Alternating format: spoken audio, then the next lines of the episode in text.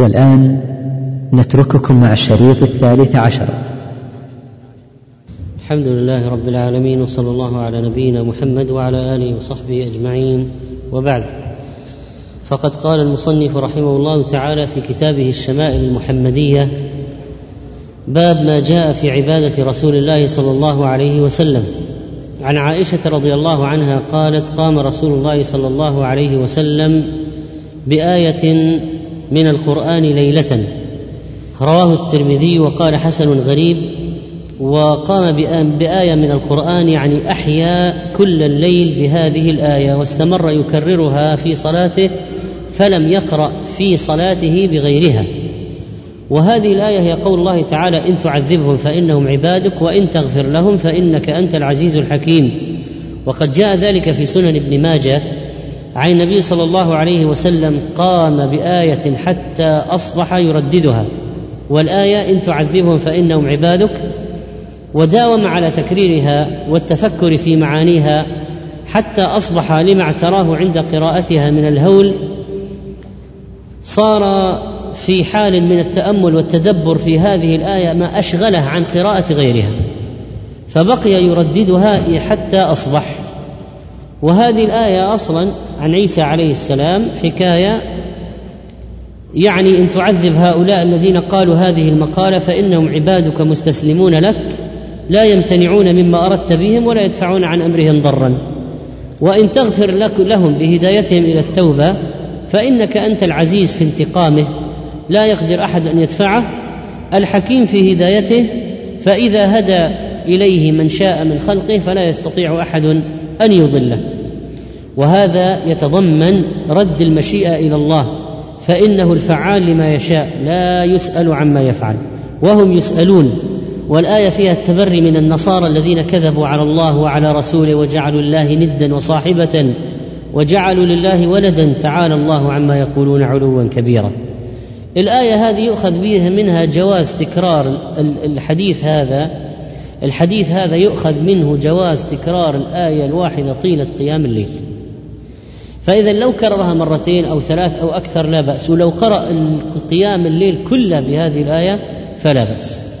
وعن عبد الله بن مسعود رضي الله عنه قال صليت ليلة مع رسول الله صلى الله عليه وسلم فلم يزل قائما حتى هممت بأمر سوء. هذا ابن مسعود يقول هممت بأمر سوء. فقيل وما هممت به؟ قال هممت أن أقعد وأدع النبي صلى الله عليه وسلم. الحديث هذا في البخاري وقول صليت ليلة مع رسول الله صلى الله عليه وسلم يعني جماعة. ففيه جواز صلاة قيام الليل والنوافل جماعة. لكن هناك شرط. لو واحد قال هل تستحب صلاة قيام الليل جماعة؟ فنقول في رمضان. طيب وفي غير رمضان. قال شيخ الإسلام ابن تيمية رحمه الله والإجتماع على صلاة النفل أحيانا. طب حتى صلاة الضحى لا بأس. صلاة الضحى أن تصلى جماعة لا مانع. والإجتماع على صلاة النفل أحيانا مما تستحب فيه الجماعة إذا لم يتخذ راتبة يعني إذا لم يكن شيئا معتادا. يعني يحصل لماما. يحصل أحيانا يحصل نادرا. وكذا إذا كان لمصلحة مثل أن لا يحسن أن يصلي وحده أو لا ينشط وحده فالجماعة أفضل إن لم تتخذ راتبة يعني شيئا مستمرا دائما. ليه؟ لماذا؟ لأنه لم ينقل الاجتماع في الروا في غير لأنه لم ينقل الاجتماع في غير الفرائض إلا في رمضان في قيام الليل. هذا الذي داوم عليه. أما غيره فلا يكون الاجتماع مداوما عليه. قال الشيخ ابن عثيمين صلاة النافلة جماعة أحيانا لا بأس بها لأن النبي صلى الله عليه وسلم صلى جماعة في أصحابه في بعض الليالي فصلى معه مرة عبد الله بن عباس وصلى معه مرة عبد الله بن مسعود وصلى معه مرة حذيفة بن اليمان رضي الله عن الجميع. والحاصل أنه لا بأس أن يصلي الجماعة بعض النوافل جما ولا بأس أن يصلي أن تصلى بعض النوافل جماعة ولكن لا تكون هذه سنة راتبة. كلما صلوا السنة صلوا جماعة هذا غير مشروع. طيب. وكذلك إذا لم يحصل عن اتفاق مسبق مثلا واحد قام يصلي الليل فقام واحد معه وانضم إليه. ولم يتخذوها أو لم يكن هذا عن اتفاق كأن يقولوا يا شباب الليل اليوم قيام ليل جماعي أو جدول مثلا. هذا قيام ليل جماعي. إذا لم يحصل عن اتفاق مسبق فلا يضر لأن النبي عليه الصلاة والسلام قام فقام معه ابن عباس انضم إليه انضم إليه فلم ينكر عليه ولم ينحه جانبا أو يبعده. وإنما أذن له بالصلاة معه. فإذا اشياء حصلت اتفاق يعني بدون آه، تخطيط مسبق بدون اتفاق مسبق آه، هذه أشياء صارت نادرا أحيانا آه، قليلا من من بعض المرات لمصلحة. قوله فلم يزل قائما يعني أطال القيام جدا حتى هممت بأمر سوء قصدت ذلك وما هو قال يعني أن أقعد وأترك النبي عليه الصلاة والسلام آه، يعني قائما. فأجلس أكمل صلاتي جالسا وأتركه قائما. وقيل المعنى أن أتركه وأكمل الصلاة لوحدي ما أستطيع أن أكمل معه أصلا. والقول الثالث أنه ينوي قطع القدوة آه، أن يقطع الاقتداء ويقطع الصلاة. فإذا قيل يقطع الصلاة كلها وقيل يكمل الصلاة هو وحده ويترك النبي صلى الله عليه وسلم يكمل وحده وقيل يصلي مع النبي عليه الصلاة والسلام إلى آخر الصلاة لكن هو جالس والنبي عليه الصلاة والسلام قائم. قال النووي رحمه الله واتفق العلماء على أنه إذا شق على المقتدي إذا شق على المقتدي في فريضة أو نافلة القيام وعجز عنه جاز له القعود وإنما لم يقعد ابن مسعود للتأدب مع النبي صلى الله عليه وسلم. يعني نفترض في مثلا صلاة التراويح. واحد من المأمومين أصابه شيء أصابه آه، طارئ. شد عضلي مفاجئ مثلا. فاضطر للجلوس ما استطاع أن يكمل قائما. فلا بأس ما في مانع. يجلس يكمل الصلاة به علة لمرض اشتد عليه شيء من الألم فجلس أثناء صلاة التراويح وصلى جالسا مقتديا بالإمام. لا مانع لا مانع. وقد اختلف الناس في القيام والسجود أيهما أفضل. يعني في صلاة الليل الواحد يعني يكثر من يطيل القيام أو يطيل السجود. أيهما أفضل القيام أم السجود؟ فرجح الطائفة أن القيام أفضل لقوله تعالى وقوموا لله قانتين وقول النبي صلى الله عليه وسلم أفضل الصلاة طول القنوت. وقال الطائفة السجود أفضل واحتجوا بقول النبي عليه الصلاة والسلام أقرب ما يكون العبد من ربه وهو ساجد. وحديث ما من عبد يسجد لله سجدة إلا رفع الله له بها درجة وحط عنه بها خطيئة. ولما قال ربيع بن كعب الأسلمي يا رسول الله أسألك مرافقتك في الجنة قال عني على نفسك بكثرة السجود. وقال بعضهم طول القيام في الليل أفضل وكثرة الركوع والسجود في النهار أفضل. واحتجوا بأن النبي صلى الله عليه وسلم كان يصلي الركعة بالبقرة وآل عمران والنساء وبالنهار لم يحفظ عنه شيء من ذلك بل كان يخفف السنن. طبعا أين تظهر فائدة الخلاف هذا؟ لو سأل سائل فقال هل الأفضل نكثر الركعات ونقصر القيام ولا نقلل الركعات ونطول القيام؟ هذا البحث الآن هل الأفضل القيام ولا السجود؟ يعني لو كان القيام أفضل فالواحد يطول القيام ولو قل عدد الركعات. إذا قل عدد الركعات سيقل الركوع والسجود. أم الأفضل يكثر الركوع والسجود يعني يكثر عدد الركعات ويقصر القيام في كل ركعة؟ هذا البحث. فبعضهم انتهى إلى أن قيام الليل الأفضل فيه طول القيام. والنبي عليه الصلاة والسلام ما زاد على إحدى عشرة ركعة لكن كان يطيل فيها. أما في النهار قالوا كثرة الركوع والسجود لأنه ما نقل عنه أنه كان في النهار يصلي صلاة طويلة. طبعا غير الفرائض الآن نتحدث عن النوافل عن النوافل. فلو واحد مثلا يبغى يصلي بين الظهر والعصر مثلا. واحد يبغى يصلي في الضحى مثلا. فقالوا هنا يكثر الركوع والسجود. طبعا الركوع والسجود فيها فضائل وميزات ومنها ما ورد أن العبد إذا ركع أو سجد وضعت عليه ذنوبه. فعلى ظهره. كلما أطال يعني في الركوع تساقطت ذنوبه وكفرها الله عنه.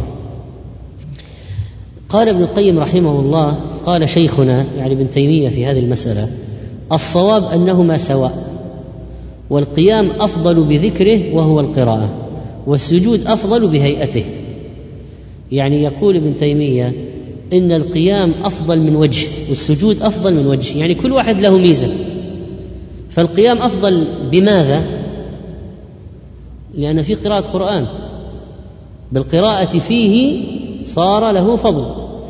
السجود أفضل بهيئته لأن الواحد يضع أعلى شيء فيه في أدنى مكان لله رب العالمين. فهيئة الساجد فيها يعني خضوع وذل الله لا يوجد في القيام فهيئة السجود السجود بهيئته أفضل والقيام بقراءته أفضل. فهو يرى أن لكل واحد ميزة من جهة.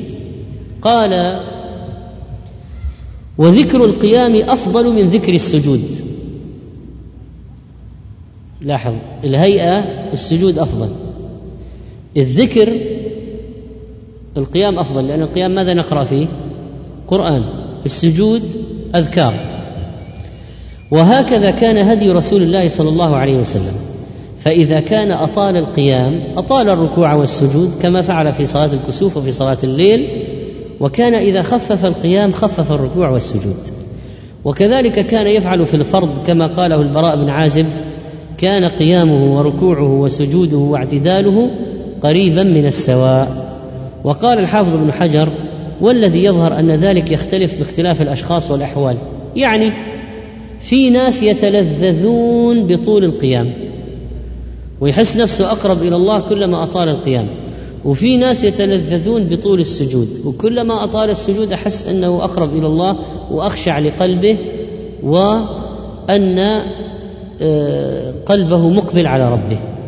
فلذلك يقول إن هذا يختلف باختلاف الأشخاص.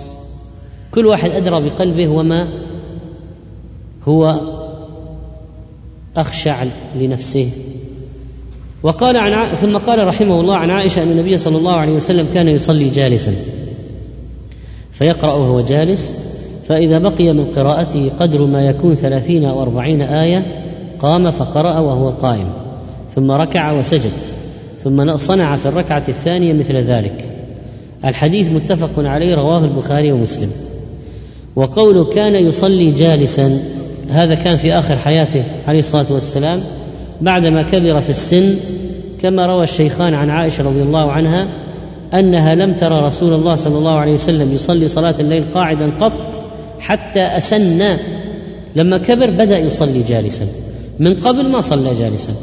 فكان يقرأ قاعدا حتى إذا أراد أن يركع قام فقرأ نحوا من ثلاثين آية أو أربعين آية ثم ركع. وروى مسلم عنها أنها قالت لما بدنا رسول الله صلى الله عليه وسلم وثقل كان أكثر صلاته جالسا. والجلوس في الصلاة ليس له صورة مخصوصة لا تجزئ إلا عليها بل تجزئ على صفات الجلوس. يعني لو واحد قال طيب الآن الذي سيصلي جالسا كيف يجلس؟ في جلوس احتباء في جلوس تربع في جلوس قرفصاء في جلوس تورك في جلوس افتراش. فأي الجلسات يجلسها إذا صلى جالسا؟ فليس هناك كيفية لا تجزئ الصلاة إلا بها في الجلوس ولكن ورد ما يفيد أنه عليه الصلاة والسلام صلى متربعا. يعني في حال المرض مثلا يصلي جالسا كيف يجلس؟ يصلي متربعا يجلس كما تجلسون أنتم الآن متربعين. وقال القاضي عبد الوهاب وأفضلها التربع لأنه أوقر. وقولها فإذا بقي من قراءته قدر ما يكون ثلاثين أو أربعين آية فيه إشارة إلى أن الذي كان يقرأه أطول من هذا وأكثر. فهو كان يبدأ الصلاة جالسا. لما لما بدن وكبر في السن وثقل صار يصلي جالسا لكن قبل ما يركع بأربعين آية يقف يقرأها واقفا ثم يركع. فيعني كم آية يقرأ؟ يمكن أكثر من مئة في الركعة. لكن لما يبقى عليه ثلاثين أو أربعين يقوم فيقرأها واقفا ثم يركع ليركع وهو في حال القيام. قالت قام فقرأ وهو قائم ثم ركع وسجد.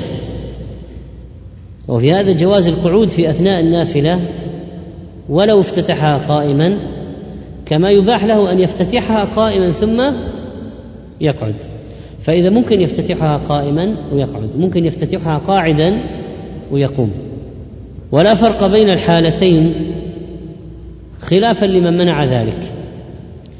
قال النووي فيه جواز الركعة الواحدة بعضها من قيام وبعضها من قعود. وسواء قام ثم قعد أو قعد ثم قام. ثم صنع في الركعة الثانية مثل ذلك يعني قرأ وهو جالس ثم قام وأتم قراءته ثم ركع وسجد. طيب بعض الناس عنده مثلا آلام في الركبة بعض الناس عنده آه، ضعف في الساق مثلا. بعض الناس آه، قد يكون في كبر السن يشق عليه القيام. إذا نقول لا تتركوا الصلاة. يعني ولو شق عليك اجلس. اجلس. صلي جالسا. وعن عبد الله بن شقيق قال سألت عائشة عن صلاة رسول الله صلى الله عليه وسلم وعن تطوعه فقالت كان يصلي ليلا طويلا قائما وليلا طويلا قاعدا. فإذا قرأ وهو قائم ركع وسجد وهو قائم وإذا قرأ وهو جالس ركع وسجد وهو جالس. وهذا حديث صحيح قد رواه مسلم رحمه الله أيضا. من الذي سأل عائشة في هذا الحديث؟ عبد الله بن شقيق رحمه الله يسأل عن صلاة النبي صلى الله عليه وسلم تطوعا في غير المفروضة. قالت له كان يصلي ليلا طويلا قائما يقوم إلى صلاة الليل فيصلي صلاة طويلة وليلا طويلا قاعدا يصلي النافلة أيضا وهو قاعد في الليل وهذا يدل على أنه كان تارة يصلي قائما وتارة يصلي قاعدا ففيه أن المتنفل الحق في هذا وفي هذا وأن للمتنفل الحق أن يترك القيام من غير عذر. ولكن صلاة القاعد على النصف من صلاة القائم في الأجر على النصف.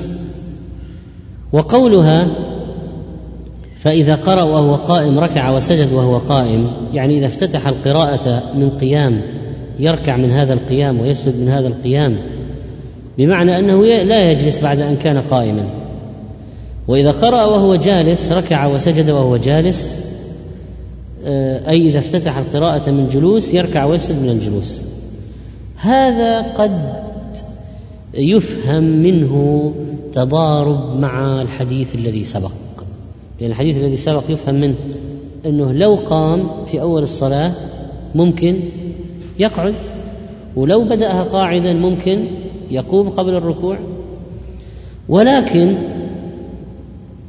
قال ابن حجر رحمه الله في الجمع بينهما هذا محمول على حالته الأولى قبل أن يدخل في السن جمعا بين الحديثين.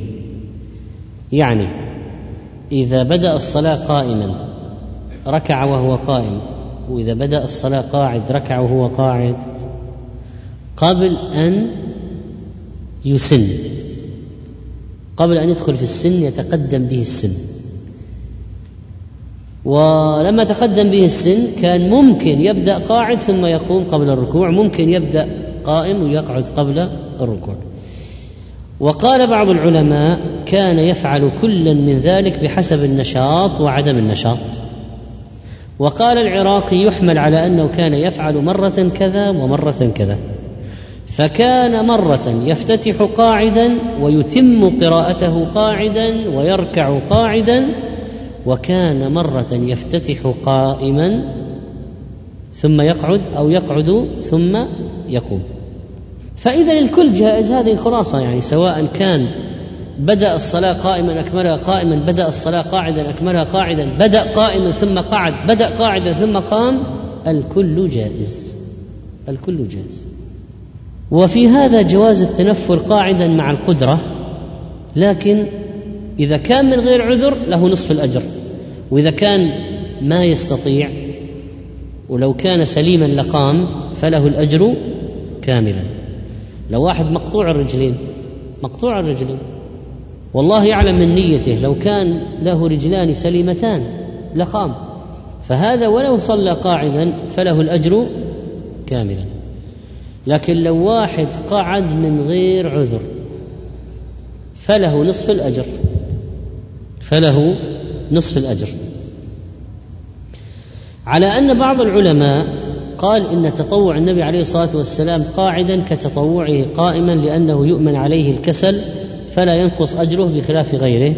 واحتجوا بحديث عبد الله بن عمرو في صحيح مسلم.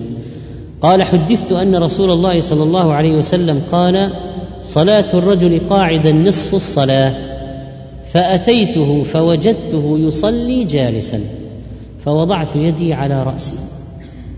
فقال ما لك يا عبد الله بن عمرو؟ قلت حدثت يا رسول الله أنك قلت صلاة الرجل قاعدا على نصف الصلاة وأنت تصلي قاعدا. يعني أنت ترضى بنصف الأجر؟ كيف يعني قال أجل ولكني لست كأحد منكم. فبعضهم فهم أن الصلاة بالنسبة بالنسبة للنبي صلى الله عليه وسلم قاعدا له أجره كاملا لأنه يؤمن عليه الكسل. وعن حفصة أنها قالت ما رأيت رسول الله صلى الله عليه وسلم صلى في سبحته قاعدا حتى كان قبل وفاته بعام. فكان يصلي في سبحته يعني النافلة قاعدا. وكان يقرأ بالسورة فيرتلها حتى تكون أطول من أطول منها. رواه مسلم. آه، النبي عليه الصلاة والسلام قال الحديث هذا آه، أو النبي صلى الله عليه وسلم قال حديثا فيه ذكر السبحة وأن معناها النافلة. وذلك في قوله سيكون عليكم سيكون عليكم أمراء. يؤخرون الصلاة عن ميقاتها. فصلوا الصلاة لوقتها واجعلوا صلاتكم معهم سبحة. ف يؤخر الصلاة عن وقتها فماذا تفعل أنت؟ ما تستطيع أن تصلي علنا قبله. تصلي في بيتك في الوقت وتجعل صلاتكم معهم سبحة يعني تجعلها نافلة. لأنه ما تعاد الصلاة في يوم مرتين. يعني إذا صليت فرضا الآن خلاص هذه حسبت فرض. الثانية لو صليت حتى لو صليت مع جماعة يصلون فرض الثانية نافلة. ما يمكن الصلاة فرض مرتين في اليوم. ما يمكن. نفس الفرض ما يمكن. فما فما هو الفرض؟ الأول. ولو مثلا صليت وحدك الظهر ثم رأيت جماعة قلت فرصة أعيد الظهر الآن جماعة. فقمت وأعدت الظهر جماعة. أيهما التي وقعت فرضا؟ الأولى. والثانية نافلة. تقول ما رأيت رسول الله صلى الله عليه وسلم صلى في سبحته قاعدا. يعني ما رأيت صلى في نافلة قاعدا. حتى كان قبل وفاته بعام. في آخر عمره لأنه أسن وضعف عن القيام وبدا. وكان صابرا طول عمره على القيام والاجتهاد في العمل. حتى تورمت قدماه. وكان يقرأ بالسورة فيرتلها يعني بترسل وتأني ليتدبر القرآن. كان يقرأ حرفا حرفا. يرتل السورة حتى تكون أطول من أطول منها. فتصبح السورة القصيرة بترتيله أطول من السورة التي هي أطول منها إذا قرأت بدون ترتيل.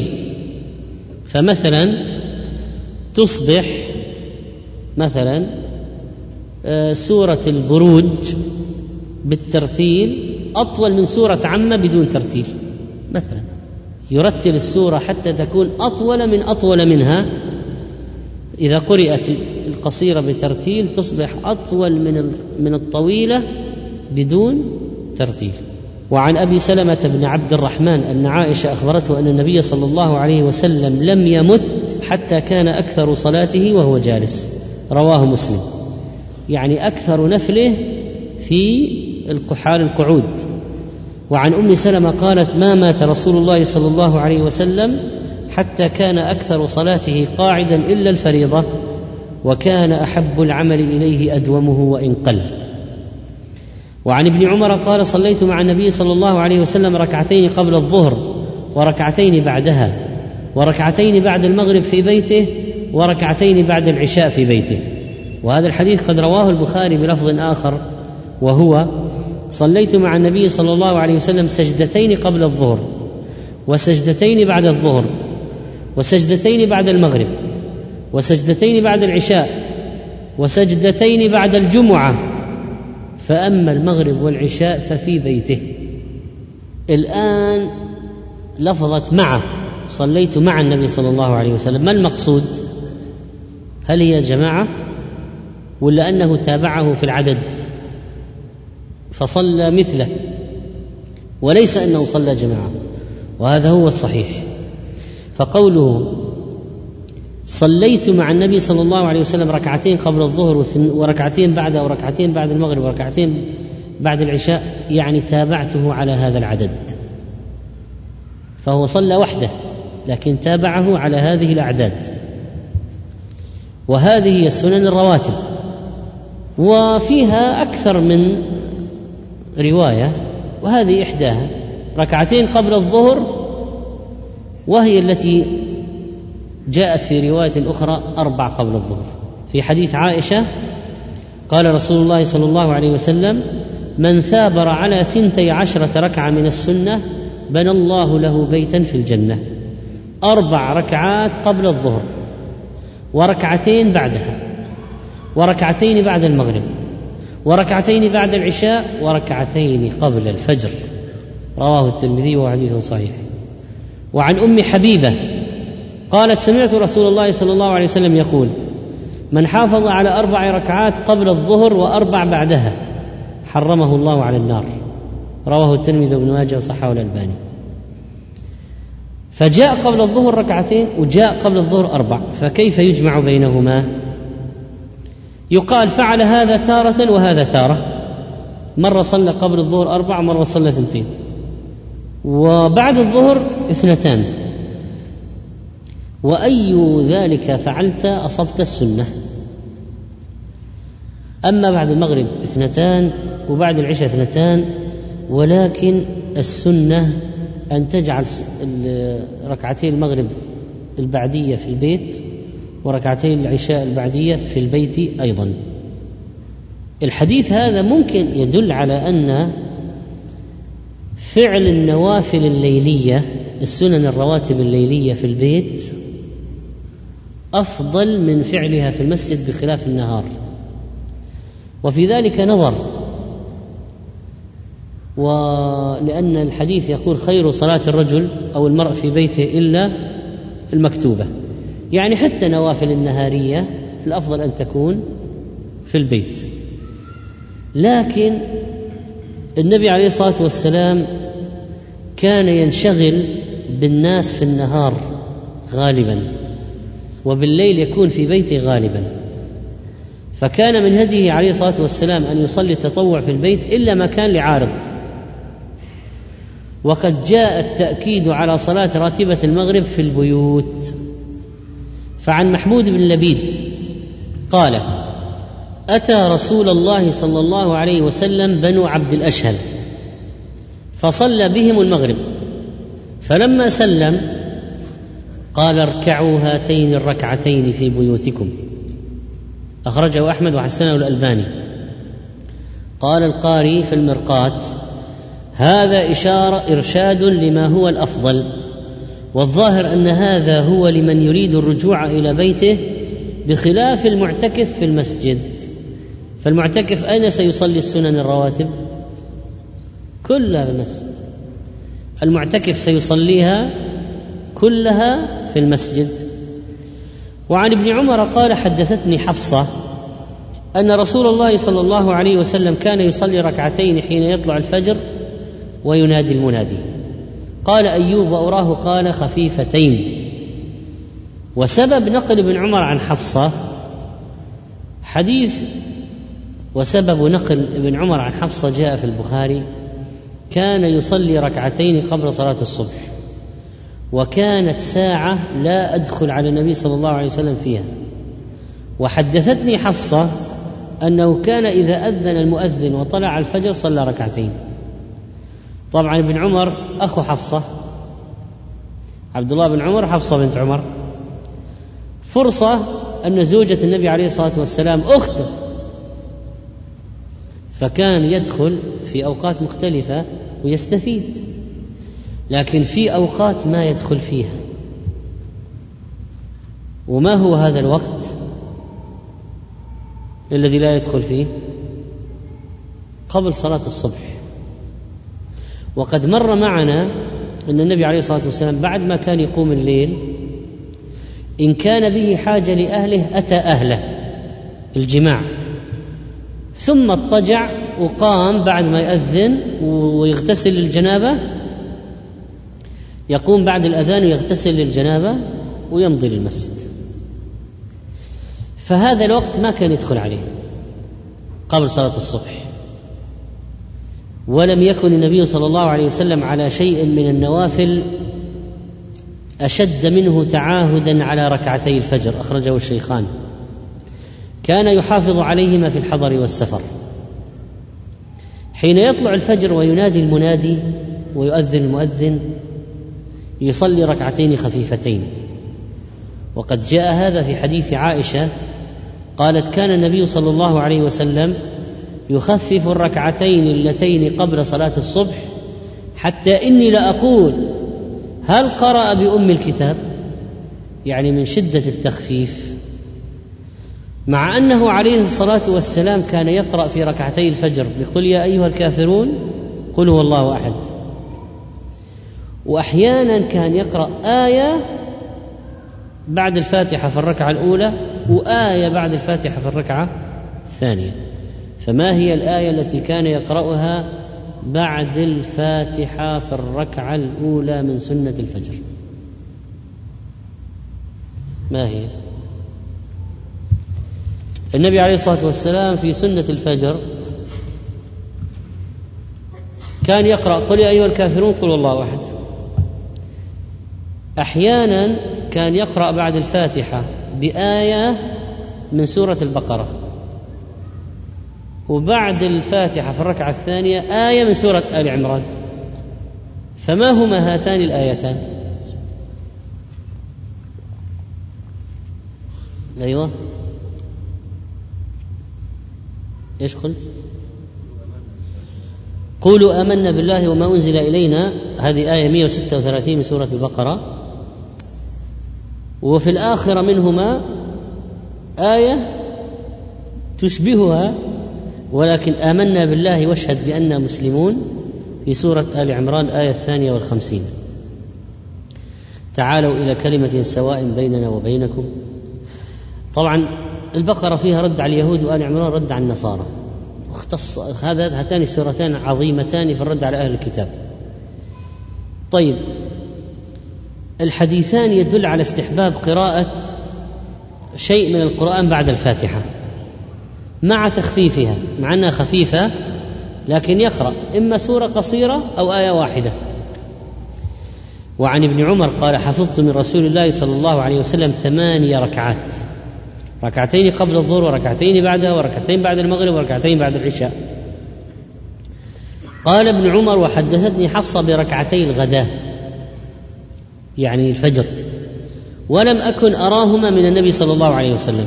لماذا؟ لأنه ما كان يدخل عليه في هذا الوقت.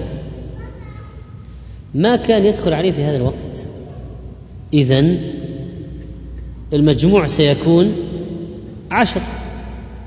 وهذه إحدى كيفيات سنن الرواتب والكيفية الأخرى 12 ركعة أو المجموع العدد الآخر 12 ركعة أربعة قبل الظهر بدل اثنتين أربعة. قال شيخ الإسلام ابن تيمية والصلاة مع المكتوبة ثلاث درجات. الصلوات النوافل هذه قيام الليل والسنن الرواتب درجات. في شيء أفضل من شيء. شيخ الإسلام يقول ثلاث درجات. إحداها سنة الفجر والوتر. فهاتان أمر بهما النبي صلى الله عليه وسلم ولم يأمر بغيرهما وهما سنة باتفاق الأئمة. كان عليه الصلاة والسلام يصليهما في السفر وفي الحضر. هذه آكد السنن الرواتب الفجر والوتر سنة الفجر. ركعتا الفجر والوتر أعلى السنن الرواتب وآكد السنن الرواتب. الثانية ما كان يصليه مع المكتوبة في الحضر وهو عشر ركعات السنن الرواتب وثلاث عشرة ركعة قيام الليل. الثالثة التطوع الجائز في هذا الوقت من غير أن يجعل سنة لكون النبي صلى الله عليه وسلم لم يداوم عليه ولا قدر فيه عددا. فلو واحد صلى مثلا قبل العصر صلى قبل العصر كم يصلي إذا أراد يصلي قبل العصر؟ الأربعة هذه انتهينا منها. يصلي ما شاء الله. واحد يريد أن يصلي بين المغرب والعشاء غير سنة المغرب. كم يصلي؟ ما شاء الله أن يصلي. فهذه المرتبة الثالثة. وصلاة الضحى قريبة من هذه. قبل أن يصعد الإمام المنبر في صلاة الجمعة. كم يصلي؟ ما شاء أن يصلي. وعن عبد الله بن شقيق قال سألت عائشة عن صلاة النبي صلى الله عليه وسلم قالت كان يصلي قبل الظهر ركعتين وبعدها ركعتين وبعد المغرب ركعتين وبعد العشاء ركعتين وقبل الفجر ثنتين. رواه مسلم. الأربع التي كان يصليها قبل الظهر أربع مثنى مثنى يصليهما في بيته قبل أن يخرج لصلاة الظهر. بعدها يصلي ركعتين أيضا. بعد المغرب ثنتين وبعد العشاء ركعتين هذه في البيت مؤكدة. سنة المغرب والعشاء في البيت مؤكدة. وغيرها من السنن في البيت أيضا الأفضل ولكن تأكيد تلك أكثر. الآن لو واحد يصلي في العمل واحد الآن الناس الآن في صلاة الظهر غالبا وين يكونوا؟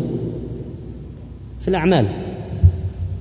فواحد قال أنا إذا ما صليت سنة الظهر الآن في المسجد بعد الصلاة أنساها.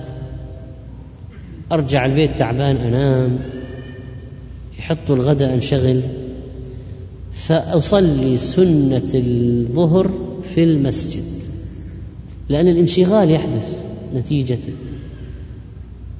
فربما لا يصليها في البيت.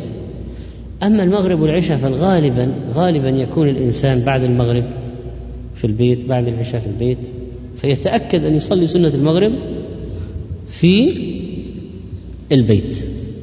الحديث الأخير في الباب يقول عن عاصم بن ضمرة قال سألنا عليا عن صلاة رسول الله صلى الله عليه وسلم من النهار فقال إنكم لا تطيقون ذلك. فقلنا من أطاق ذلك منا صلى. قال كان إذا كانت الشمس من ها هنا كهيئتها من ها هنا عند العصر صلى ركعتين. وإذا كانت الشمس من ها هنا كهيئتها من ها هنا عند الظهر صلى اربعا. ويصلي قبل الظهر اربعا وبعدها ركعتين وقبل العصر اربعا. يفصل بين كل ركعتين بالتسليم على الملائكة المقربين والنبيين ومن تبعهم من المؤمنين والمسلمين. الحديث رواه الترمذي في جامعه وحسنه والنسائي وكذلك حسنه الألباني في الصحيحة. قال ابن القيم وسمعت شيخ الإسلام ابن تيمية ينكر هذا الحديث ويدفعه جدا ويقول إنه موضوع. ويذكر عن أبي إسحاق الجوزجاني إنكاره.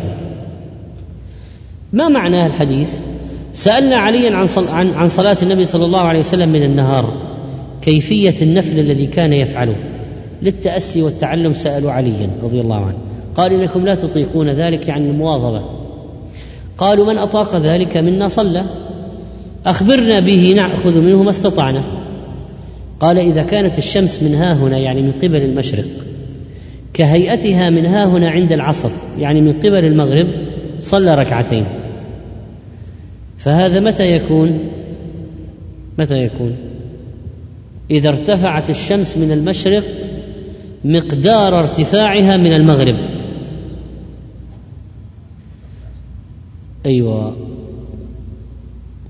إذا ارتفع إذا كانت الشمس من ها هنا يعني من قبل المشرق كهيئتها من ها هنا عند العصر يعني من قبل المغرب صلى ركعتين. فإذا ارتفعت الشمس من جانب المشرق مقدار ارتفاعها من جانب المغرب وقت العصر صلى ركعتين وهي صلاة الضحى ويقال لها صلاة الإشراق. وإذا كانت الشمس من ها هنا من جانب المشرق كهيئتها من ها هنا عند الظهر يعني من جانب المغرب عند الظهر قبل الاستواء صلى اربعا وهي الضحوة الكبرى. في الضحوة إذن صلاة الضحى والضحوة الكبرى. ويصلي قبل الظهر اربعا هذه بعد الزوال سنة الظهر. وبعدها ركعتين بعد الظهر وقبل العصر أربعا وقد جاء حديث رحم الله امرأ صلى قبل العصر أربعا. أخرجه أحمد الترمذي وأبو داود حسنه الألباني وضعفه بعض المحدثين.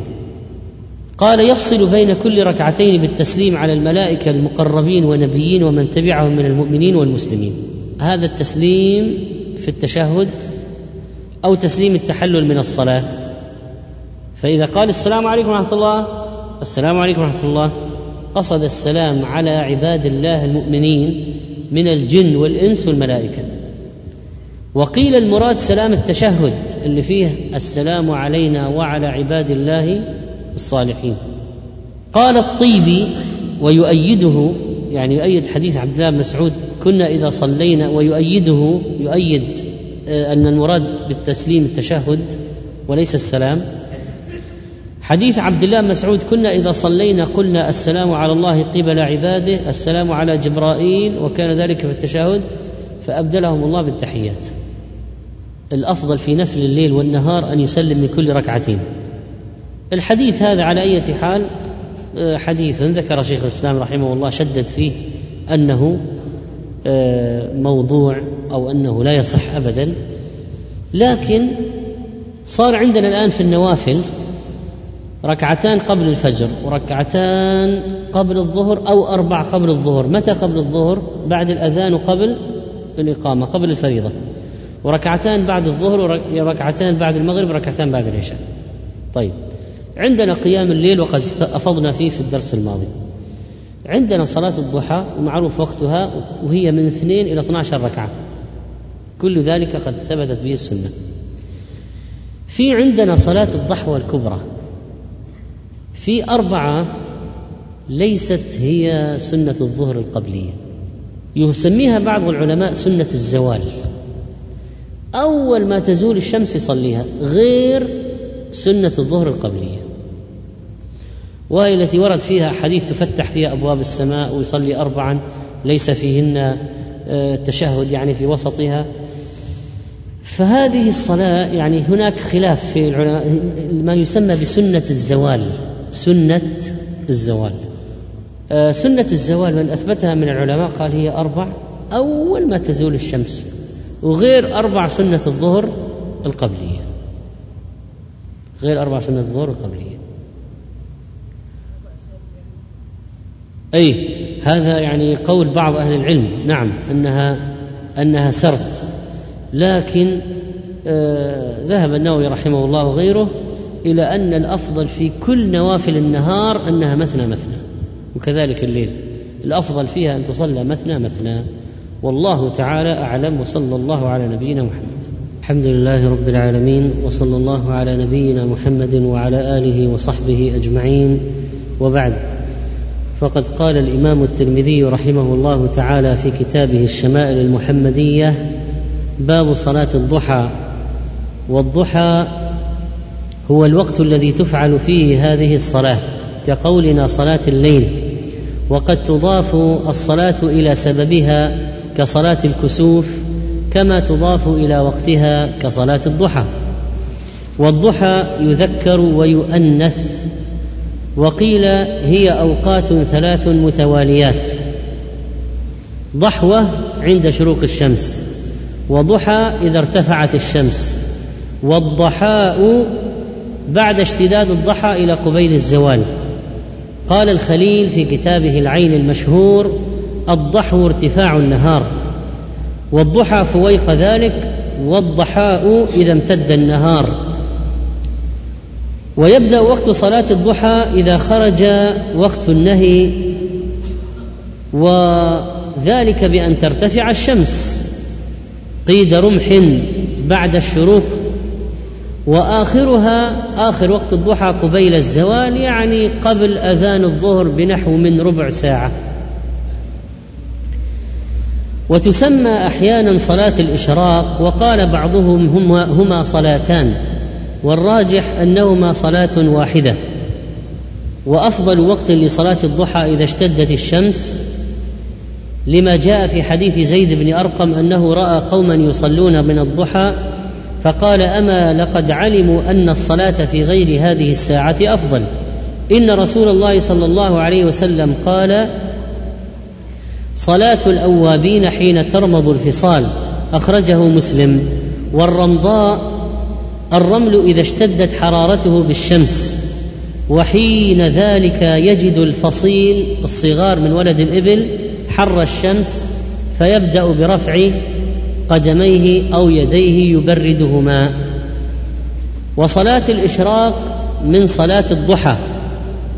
والأرجح أنها أول صلاة الضحى فإذا صلى الضحى في أول وقتها تسمى صلاة الإشراق. وقد ثبت تسمية هذه الصلاة في هذا الوقت بصلاة الضحى وصلاة وصلاة الإشراق. آه، كما جاء في حديث ابن عباس عن عبد الله بن الحارث بن نوفل أن ابن عباس كان لا يصلي الضحى. قال فأدخلته على أم هانئ فقلت أخبري هذا بما أخبرتني به. فقالت أم هانئ دخل علي رسول الله صلى الله عليه وسلم يوم الفتح في بيتي فأمر بماء فصب في قصعه ثم أمر بثوب فأخذ بيني وبينه يعني استتر ليغتسل.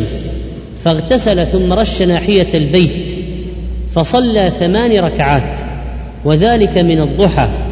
قيامهن وركوعهن وسجودهن وجلوسهن سواء يعني في الطول. قريب بعضهن من بعض. فخرج ابن عباس وهو يقول لقد قرأت ما بين اللوحين ما عرفت صلاة الضحى إلا الآن لأن من عادة ابن عباس رضي الله عنه من فقه بالكتاب العزيز ومعرفته بالتفسير أنه يستدل على هذه العبادات بالآيات. فلما ثبت عند ابن عباس من كلام أم هانئ التي رأت النبي عليه الصلاة والسلام يصلي صلاة الضحى لما ثبت عنده ذلك قال ابن عباس ما عرفت صلاة الضحى إلا الآن في القرآن. أين؟ قال يسبحن بالعشي والإشراق. وكنت أقول أين صلاة الإشراق؟ ثم قال بعد هن صلاة الإشراق. أخرجه الطبري في تفسيره والحاكم وهو أثر حسن لغيره. وجاء في فضل صلاة الضحى في أول وقتها حديث أبي أمامة قال قال رسول الله صلى الله عليه وسلم من صلى الصبح صلاة الصبح في مسجد جماعة يثبت فيه يعني بعد صلاة الفجر حتى يصلي سبحه الضحى كان كأجر حاج أو معتمر تاما حجه وعمرته أخرجه الطبراني وفي رواية من صلى صلاة الغداة في جماعة ثم جلس يذكر الله حتى تطلع الشمس كان له كأجر حج وعمرة تامة تامة تامة. وصلاة الضحى من النوافل التي وردت فيها أحاديث صحيحة عن رسول الله صلى الله عليه وسلم أنه كان يصليها فعن يزيد الرشك. وهذا هو الحديث الذي أورده المصنف رحمه الله أول حديث في باب صلاة الضحى حديث يزيد الرشك. قال سمعت معاذة قالت قلت لعائشة رضي الله عنها أكان النبي صلى الله عليه وسلم يصلي الضحى؟ قالت نعم. قال سمعت معاذة قالت قلت لعائشة رضي الله عنها أكان النبي صلى الله عليه وسلم يصلي الضحى؟ قالت نعم. أربع ركعات ويزيد ما شاء الله عز وجل رواه أحمد أيضا وصححه الألباني في مختصر الشمائل. وقد رواه مسلم بلفظ كان رسول الله صلى الله عليه وسلم يصلي الضحى أربعا ويزيد ما شاء الله لأن صلاة الضحى تبدأ بثنتين وتنتهي بثنتي عشرة ركعة. الراوي يزيد الرشك الرشك هذا اسم غريب. يزيد هو يزيد بن أبي يزيد الضبعي مولاهم البصري. اختلف العلماء في سبب تلقيبه في الرشك. فقيل إنها لفظة فارسية معناها القاسم وقيل معناها الغيور وقيل كثير اللحية كث اللحية عظيم اللحية. وقيل إن الرشك هذه يعني من اللطائف لكنها مذكورة في الكتب كما ذكرها صاحب المطالع وحكاها أبو العلي الغساني وذكر لها رواية بالإسناد. هو قول غريب لكن لا بأس من حكايته. قالوا الرشك بالفارسية العقرب. طيب لماذا سمي يزيد الرشك؟ قالوا لأنه كانت له لحية كثة فدخل فيها عقرب مرة فلم يدر عنه ثلاثة أيام ثم خرج. على أية حال يزيد الرشك رحمه الله. قال سمعت معاذة وهي بنت عبد الله العدوية. قالت قلت لعائشة أكان النبي صلى الله عليه وسلم يصلي الضحى؟ وفي هذا السؤال حرص السلف على العلم والاقتداء بالنبي عليه الصلاة والسلام. قالت نعم أربع ركعات. يعني يصلي أربعا غالبا ويزيد أحيانا. ما شاء الله يعني من غير حصر ولكن لم ينقل كما ذكر ابن حجر رحمه الله أنها زادت عن ثنتي عشرة ركعة ويؤيد ذلك ما روي عن عائشة وأم سلمة رضي الله عنهما أن النبي صلى الله عليه وسلم كان يصلي صلاة الضحى ثنتي عشرة ركعة. وفي هذا الدليل على أن الأربع أفضل لمواظبته صلى الله عليه وسلم على ذلك وأنه كان يزيد أحيانا إلى ثنتي عشرة. ومنهم من قال إن الأفضل ثمان لأن النبي صلى الله عليه وسلم صلاها يوم فتح مكة ثمان ركعات. وقد جاء عند الحاكم في كتابه المفرد عن جماعة من أئمة الحديث أنهم كانوا يختارون أن يصلى أو يصلي الضحى اربعا. وأكثر الأحاديث على ذلك. كالحديث الوارد عن أبي الدرداء وأبي ذر عن الترمذي وهو حديث قدسي ابن آدم اركع لي أربع ركعات أول النهار أكفك آخره. يعني أحفظك من الشرور وأدفع عنك البلايا أكفك اخره وصححه الألباني. وهذا يدل على فضل الأربع. وقيل ركعتان لحديث أبي هريرة وركعتي الضحى. يعني أن النبي صلى الله عليه وسلم أوصاه بهما. وقال ابن دقيق العيد لعل ذكر الأقل الذي يوجد التأكيد بفعله. وفي هذا دليل على استحباب صلاة الضحى وأن أقلها ركعتان وعدم مواظبة النبي صلى الله عليه وسلم على فعلها لا ينافي استحباب هذه الصلاة لأنه حاصل بدلالة القول وليس من شرط الحكم أن يتوافر القول والفعل عليه. ثم إن النبي عليه الصلاة والسلام قد يقطع المواظبة خشية أن تفرض على الأمة لسبب ولكن تبقى المشروعية والاستحباب موجودة. ثم قال رحمه الله عن أنس بن مالك رضي الله عنه أن النبي صلى الله عليه وسلم كان يصلي صلاة الضحى ست ركعات. رواه الترمذي وهو حديث صحيح. كان يصليها ستا من باب التنويع في عدد ركعاتها فكان يصليها تارة ركعتين تارة أربع تارة ستة وتارة ثمان ركعات. يصليها اثنتا عشرة ركعة. قال وعن عبد الرحمن بن أبي ليلى قال ما أخبرني أحد أنه رأى النبي صلى الله عليه وسلم يصلي الضحى إلا أم هانئ رضي الله تعالى عنها فإنها حدثت أن رسول الله صلى الله عليه وسلم دخل بيتها يوم فتح مكة فاغتسل فسبح ثمان ركعات. فسبح ثمان ركعات. اليوم يا إخوان الدرس ما في أسئلة لأجل آه، نحتاج نختصر الوقت. آه، الأسئلة غدا إن شاء الله. عن عبد الرحمن بن أبي ليلى قال ما أخبرني أحد أنه رأى النبي صلى الله عليه وسلم يصلي الضحى إلا أم هانئ رضي الله تعالى عنها فإنها حدثت أن رسول الله صلى الله عليه وسلم دخل بيتها يوم فتح مكة فاغتسل فسبح ثمان ركعات ما رايته صلى الله عليه وسلم صلى صلاة قط أخف منها غير أنه كان يتم الركوع والسجود. اذا صلاة الضحى صلاة خفيفة. ثمان ركعات هذه كانت خفيفة. أم هانئ ما هي قرابتها من النبي عليه الصلاة والسلام؟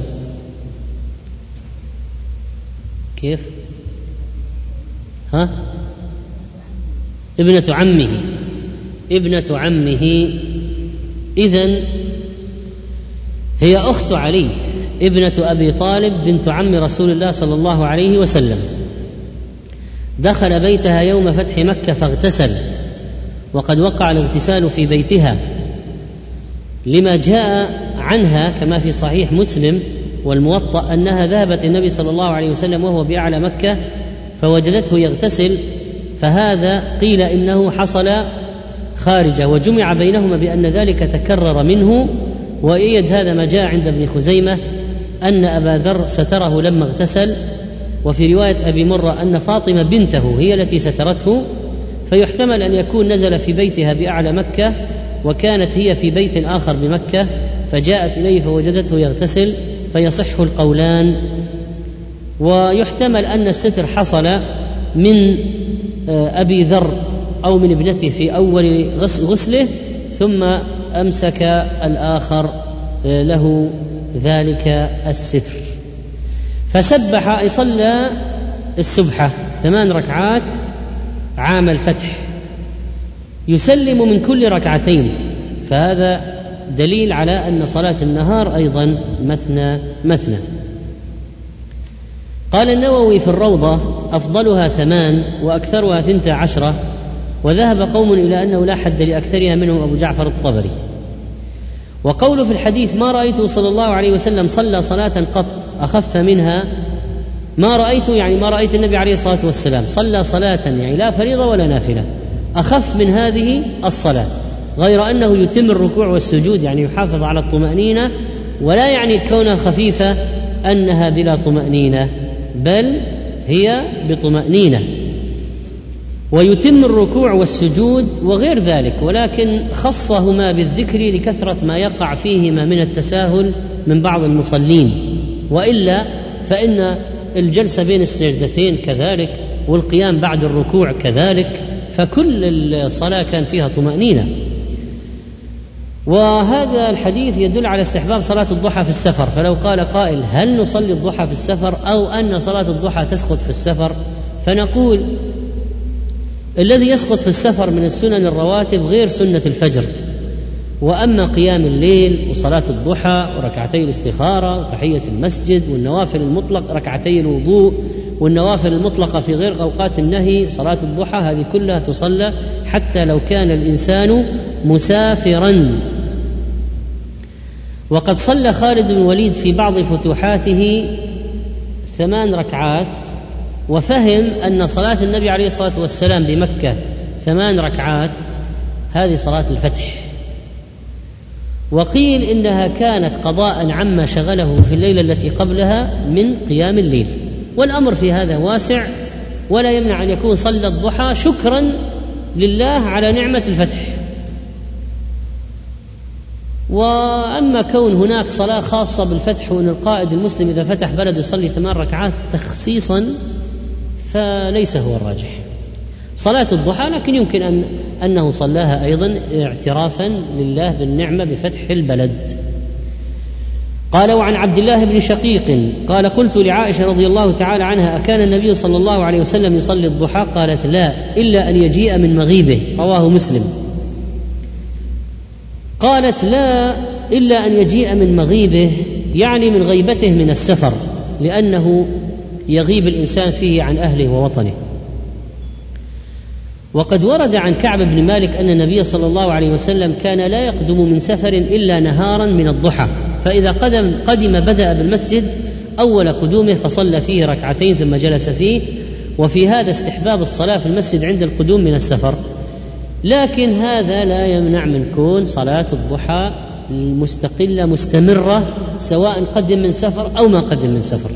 لكن إذا قدم من سفر كان يقدم نهارا ما يقدم على أهله ليلا كما هو معروف. وحتى لو جاء في الليل يبيت قبل دخول البلد ثم يدخل البلد في الصباح. وكان من سنته عليه الصلاة والسلام إذا دخل البلد أنه يبدأ بالمسجد فيصلي فيه. فيوافق هذه السنة وهي الصلاة عند القدوم من السفر في مسجد البلد. وافق وقت الضحى لهذا. واختلفت الأحاديث عن عائشة رضي الله عنها في صلاة الضحى فجاء عنها أنه صلاها عليه الصلاة والسلام من غير تقييد. وثبت عنها أنها سئلت فقالت لا إلا أن يجيء من مغيبه. وثبت عنها انها قالت ما رأيت رسول الله صلى الله عليه وسلم يصلي سبحه الضحى, الضحى قط وإني لاسبحها يعني تصليها هي متفق عليه. وقد جمع بين هذه الروايات بأن قولها كان يصلي الضحى اربعا لا يدل على المداومة. وأن قولها لا يصليها إلا أن يجيء من مغيبه يفيد تقييد ذلك بوقت المجيء من السفر. وأن النفي في قولها ما رأيته يصليها لا يستلزم نفي الحصول وإنما نفي الرؤية. وغاية الأمر أنها أخبرت بما بلغه علمها وأما غيرها من أكابر الصحابة فقد أثبتوا صلاة الضحى والمداومة عليها وتأكيد مشروعيتها ومن علم حجة على من يعلم على من لم يعلم لا سيما وذلك الوقت الذي تفعل فيه ليس من الأوقات التي آه، يعتاد فيها الدخول بالنساء آه، ورد عن ابن عمر أيضا جملة عبارة قال في صلاة الضحى إنها بدعة ونعمة البدعة. وجاء في قوله أيضا لقد قتل عثمان رضي الله عنه وما أحد يستحبها وما أحدث الناس شيئا أحب إلي منها. فقوله بأنه لم يبلغه هذا ليس دليلا على أنها ليست مشروعة و يعلم بعض الصحابة أشياء لا يعلمها صحابه آخرون وقد يخفى على بعض الصحابة الكبار أشياء من السنن. فمن علم هو الذي يعتمد قوله. المثبت يقدم على النافي. وجاء في البخاري قلت لابن عمر تصلي الضحى؟ قال لا. قلت فعمر؟ قال لا. قلت فأبو بكر؟ قال لا. قلت فالنبي صلى الله عليه وسلم؟ قال لا إخاله. يعني لا أظنه. فهو ليس بمتأكد. فهو لا يريد النفي الجازم. وحيث انه قد رواها عن النبي صلى الله عليه وسلم من أكابر الصحابة تسعة عشر نفسا. كلهم شهدوا أن النبي صلى الله عليه وسلم كان يصليها. ولذلك قال شيخ الإسلام أبو زرعة ورد فيها أحاديث كثيرة صحيحة مشهورة حتى قال الطبري انها بلغت حد التواتر. وأما قول ابن حجر والسنة فيها أن تفعل في المسجد فيكون مستثنى من أفضلية أن النوافل تكون بالبيت لأجل الدليل أن من صلى الغداء في جماعة ثم قعد يذكر الله في المسجد حتى ترتفع الشمس ثم صلى ركعتين فهذا مستثنى من حديث أفضل الصلاة صلاة المرء في بيته إلا المكتوبة مثل تحية المسجد أيضا مثلا. ثم يوجد من مجموع الأحاديث أن أقلها ركعتان كما فعل النبي صلى الله عليه وسلم وأكثرها ثنتي عشرة ركعة كما تقدم. وله ولحديث من صلى الضحى ثنتي عشرة ركعة بنى الله له قصرا في الجنة آه، قال أحمد عنه هو غريب وقال النووي في مجموعه ضعيف وفيه نظر آه، لأن له طرقا تقويه وترقيه إلى درجة الحسن وقيل أفضلها ثمان والظاهر أنه أربع وقد يفعل العمل القليل لما اشتمل عليه من مزيد فضل اتباع على العمل الكثير. هل كانت صلاة الضحى واجبة على النبي صلى الله عليه وسلم؟ ورد في ذلك حديث لكن فيه ضعف. لو ثبت لعد ذلك في الخصائص النبوية ولكن لم يثبت هذا. ثم قال الترمذي رحمه الله عن أبي سعيد الخدري رضي الله تعالى عنه قال كان النبي صلى الله عليه وسلم يصلي الضحى حتى نقول لا يدعها ويدعها حتى نقول لا يصليها. مسند أحمد والترمذي وضعفه الشيخ الألباني في إرواء الغليل. لكن الحديث يدل على عدم المواظبة. وقال واحد ما معنى الحديث؟ بغض النظر عن صحته الآن يعني عدم المواظبة فهو يصليها كثيرا حتى حتى يقول لا يدعها. ويتركها أيضا أحيانا حتى يقول لا يصليها. وكانت يترك بعض الصلوات النوافل عليه الصلاة والسلام خشية أن تفرض على الأمة ولذلك فإن تركه لها في هذه الأحيان لا يعني أنها لا تشرع ولكن لهذا السبب. والظاهر أن هذه الحال وهي الصلاة في المسجد صلاتها في المسجد كان يترك ذلك خشية أن أن يتوهم فرضيتها من قبل بعض الناس أما في البيت فإنه يأمن ذلك. وعن أبي أيوب الأنصاري رضي الله تعالى عنه أن النبي صلى الله عليه وسلم كان يدمن أربع ركعات عند زوال الشمس. فقلت يا رسول الله إنك تدمن هذه الأربع ركعات عند زوال الشمس.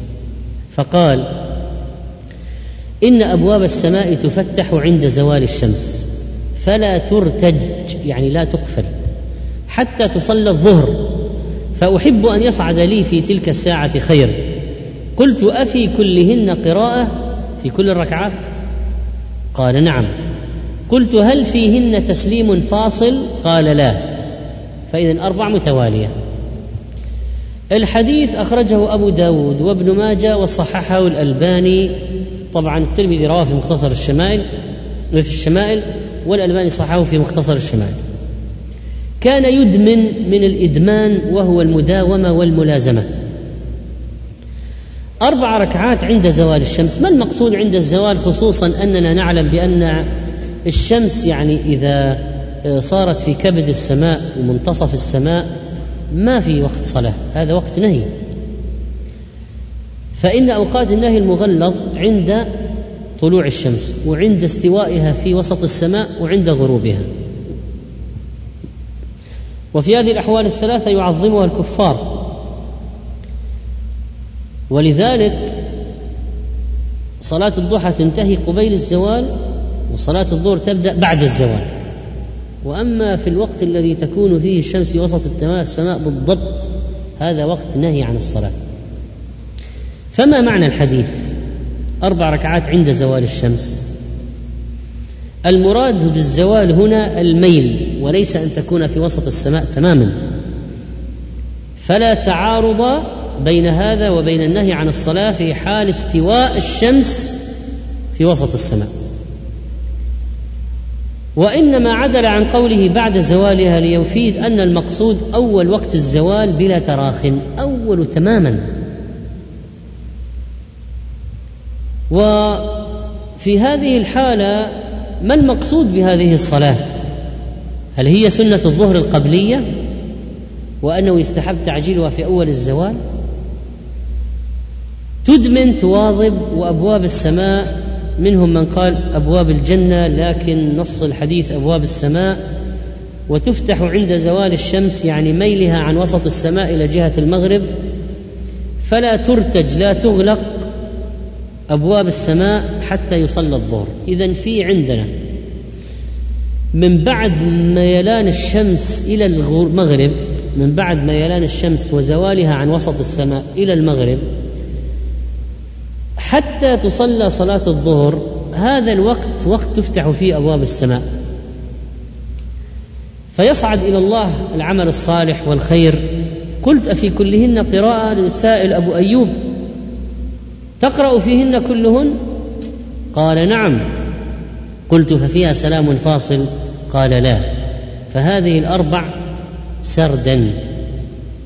قال الإمام النووي مذهبنا أن الأفضل في نفل الليل والنهار أن يسلم من كل ركعتين. وحكاه ابن المنذر عن الحسن وسعيد وحماد ومالك وأحمد واختاره ابن المنذر. وحكي عن ابن عمر وإسحاق أن الأفضل في النهار اربعا وقال الأوزاعي وأبو حنيفة صلاة الليل مثنى وصلاة النهار إن شاء اربعا وإن شاء ركعتين.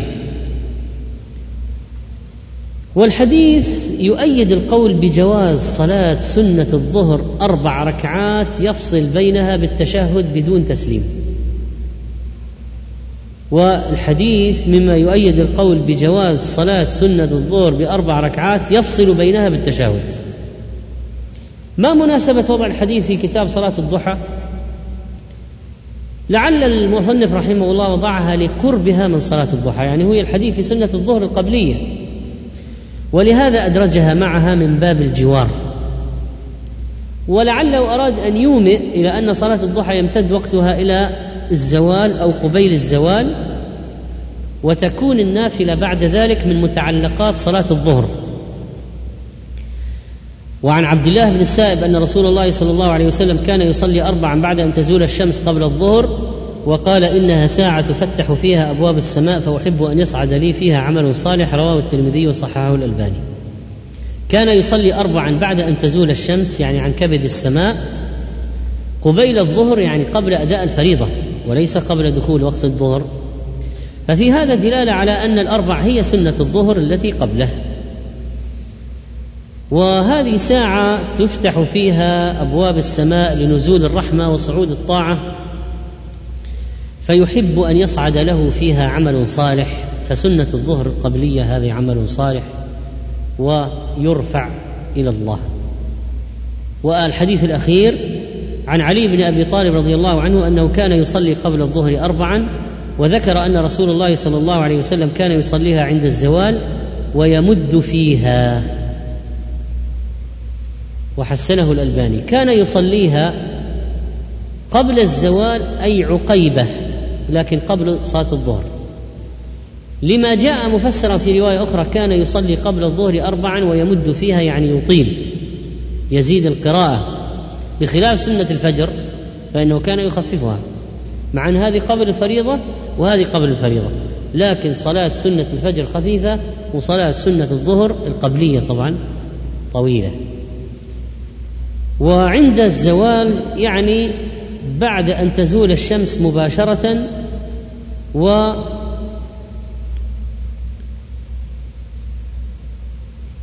هذه الصلاة من السنن الرواتب التي عرفنا فضلها وأن من صلاها يبنى له بيت في الجنة. وظاهر الحديث أن من صلى ثنتي عشرة ركعة في اليوم من السنن الرواتب بني له بيت في الجنة.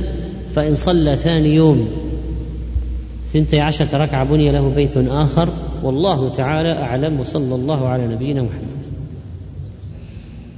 الحمد لله رب العالمين وصلى الله على نبينا محمد وعلى آله وصحبه أجمعين.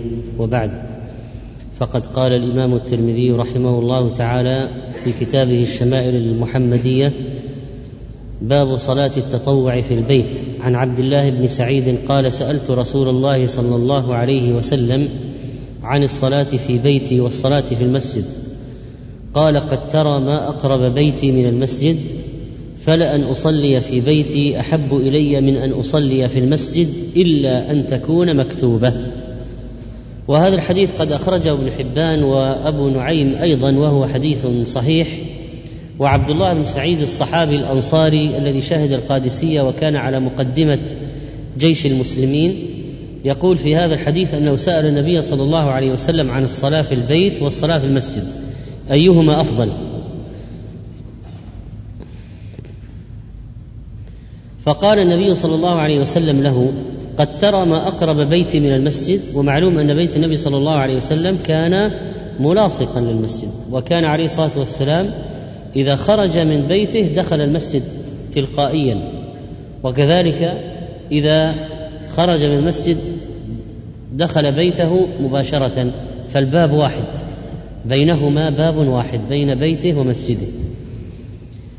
ومع هذا القرب الشديد جدا يقول للصحابي فلا أن أصلي في بيتي أحب إلي من أن أصلي في المسجد. لماذا؟ لأن الصلاة في البيت فيها فضل وأجر وبركة ونور وخير لكن أي صلاة؟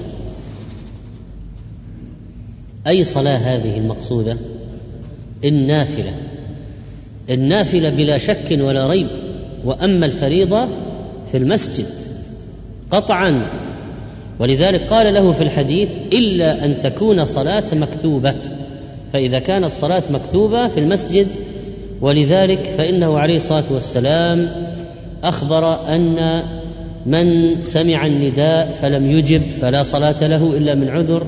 ولم يرخص للأعمى أن يصلي في بيته الفريضة مع أنه لم يكن له قائد يواتيه دائما لا يجد قائدا دائما يواتيه للمسجد وكانت الطريق فيها ما يخيف وكذلك هم أن يحرق على المنافقين بيوتهم الذين لا يشهدون الصلاة معه. وأخبر ابن مسعود أنه لا يتخلف عنها إلا منافق معلوم النفاق. فالصلاة في المسجد صلاة الفريضة هذه مفروغ منها. الكلام الآن على صلاة النافلة. لأن الله جاعل له من صلاته النافلة في بيته خيرا. ولذلك قال له إلا أن تكون صلاة مكتوبة أي فريضة فأحب صلاتها فيه يعني في المسجد لأنها من شعائر الإسلام. صلاة الجماعة في المساجد من شعائر الإسلام. هوية البلد أن يوجد فيها مساجد يغشاها الناس للصلاة وينطلق منها الأذان. هذه هوية البلد. فإذا ترك الناس صلاة الجماعة فماذا يبقى من هوية البلد الظاهرة؟ وكذلك النداء الأذان. فإذا هذه شعائر الدين الأذان صلاة الجماعة هذه من شعائر الدين الظاهرة التي يجب إحياؤها لأنها دليل على إيمان وإسلام أهل البلد. وقد روى مسلم من حديث جابر رضي الله عنه قال قال رسول الله صلى الله عليه وسلم إذا قضى أحدكم الصلاة في مسجد فليجعل لبيته نصيبا من صلاته فإن الله عز وجل جاعل في بيته من صلاته خيرا. قال النووي رحمه الله إنما حث على النافلة في البيت لكونه أخفى وأبعد من الرياء وليتبرك البيت بذلك فتنزل فيه الرحمة وينفر منه الشيطان. فإذا ما فائدة صلاة النافلة في البيوت؟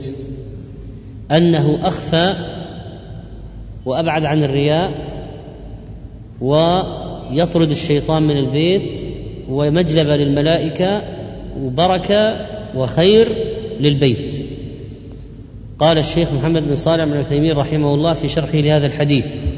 في شرحه لحديث صلوا في بيوتكم أمر أن يصلى في البيت فإن صلاة المرء في بيته أفضل إلا المكتوبة فدل ذلك على إن الإنسان ينبغي له أن تكون جميع رواتبه في بيته حتى في مكة والمدينة فالأفضل أن تكون الرواتب في البيت وهي أفضل من كونها في المسجد الحرام أو المسجد النبوي. فإذا قال أنا سأذهب للعمرة سنة الفجر أين أصليها؟ قل في البيت أفضل. قيام الليل الوتر أين أصليه؟ نقول غير التراويح جماعة المسجد مع جماعة المسجد فإنك تصلي في البيت. في قيام الليل في أي شهر آخر غير رمضان صلي في البيت حتى لو سافرت إلى مكة. فلو قال أليس من الأفضل أن أذهب إلى الحرم وأنا في مكة قبل الفجر أصلي قيام الليل في الحرم؟ نقول لا الأفضل أن تصلي في البيت. إلا التراويح. قيام الليل والاجتماع عليها. حتى في مكة والمدينة المسجد النبوي أصلا الذي الصلاة فيه بألف صلاة فيما سواه من المساجد إلا المسجد الحرام كان عليه الصلاة والسلام يدخل بيته ويصلي ولا يصلي في مسجده. يدخل بيته ويصلي النافلة. وعرفنا التأكيد على المغرب والعشاء سنة المغرب وسنة العشاء في البيت. إلا إذا كان يخشى أن تضيع. يعني لو ذهب البيت ضاعت أو نسي أو لن يذهب إلى البيت الآن أو عنده شغل أو هو في مكتب أو في عمل في مدرسة في شركة في كلية. فهنا يصلي حيثما كان. يصلي في المسجد آه، عندهم أعمال الناس الآن في كثير من الأحيان. ما يكونون في البيت بعد المغرب ولا يكونون في البيوت بعد الظهر يكونون في المكاتب الشركات محلات. فهنا يصلي الإنسان في المسجد. السنة واصلا هو لو صلى في المسجد السنة ما لا حرج لكن الأفضل الأكمل في البيت. يعني أنه يجب الاعتناء بالبيوت وأن لا تحرم البيوت من الخير. لو كل الصلوات نصليها في المساجد النافلة والفريضة ماذا يبقى للبيوت؟ فينبغي أن لا تحرم البيوت من الفضل والذكر والخير. قال الشيخ لأن النبي صلى الله عليه وسلم قال هذا وهو في المدينة والصلاة في مسجده خير من ألف صلاة إلى المسجد الحرام وكثير من الناس الآن يفضل أن يصلي النافلة في المسجد الحرام دون البيت وهذا نوع من الجهل إلا الفرائض فالفرائض لا بد أن تكون في المساجد. طبعا وأي صلاة أخرى مشروعة في المساجد فالأفضل تكون في المساجد مثلا آه، تحية المسجد مثلا صلاة الإشراق بعد أن ترتفع الشمس وهو ينتظر في المسجد بعد الفجر. مثلا صلاة الجنازة صلاة الكسوف صلاة العيدين صلاة ونحوها. يعني هذه طبعا العيدين والاستسقاء الأفضل تكون في صحراء أو في مكان خارج البلد.